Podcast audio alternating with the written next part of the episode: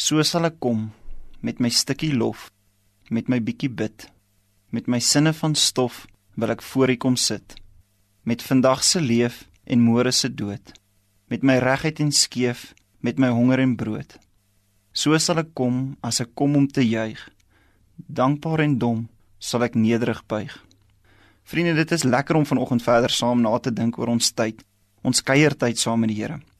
Vanoggend wil ek by die frase met my bietjie bid stil staan uit die gedig wat ek vanoggend weer vir ons saam gelees het.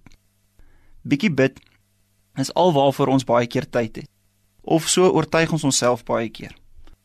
Van ons waar ek skuldig moet pleit, hou daarvan om in die oggend elke moontlike sekonde ten volle te benut om net bietjie langer in die bed te bly voor ek opspring om die dag aan te gryp.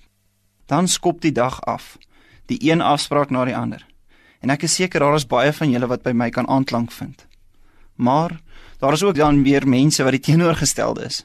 'n Baie goeie vriend van my in die Vrystaat tuis, moet ek voor die 7 uur nuus bel, want hy raak gedurende die nuus aan die slaap. Maar is reeds 4 uur en selfs vroeër hard aan die gang. In vandag se samelewing kan ons nie daarom kom nie. Tyd is 'n probleem. Daarom begin my tyd saam met die Here met 'n bewuslike besluit. Maar dan kan dit nie net by 'n besluit bly nie. Ek moet tyd maak. Ons moet egter die beste tyd kies wat inpas in my daaglikse rotine, wat na 'n tyd van nature kom. Dit help nie in my geval wat tot op die laaste nippertjie lê. Ek oortuig myself om 'n uur vroeër op te staan nie, want ek gaan myself dalk net aan die slaap vang gedurende my gebed. Ek kies 'n tyd waar ek wakker is, rustig is waar ek die Bybel die beste kans gee om met my te werk of ek myself kans gee om net na die Here te kan luister. Ons voel baie keer ek het net tyd vir 'n bietjie bid. Dit is juist daarom dat ons hierdie bietjie tyd wat ons het ten volle moet benut.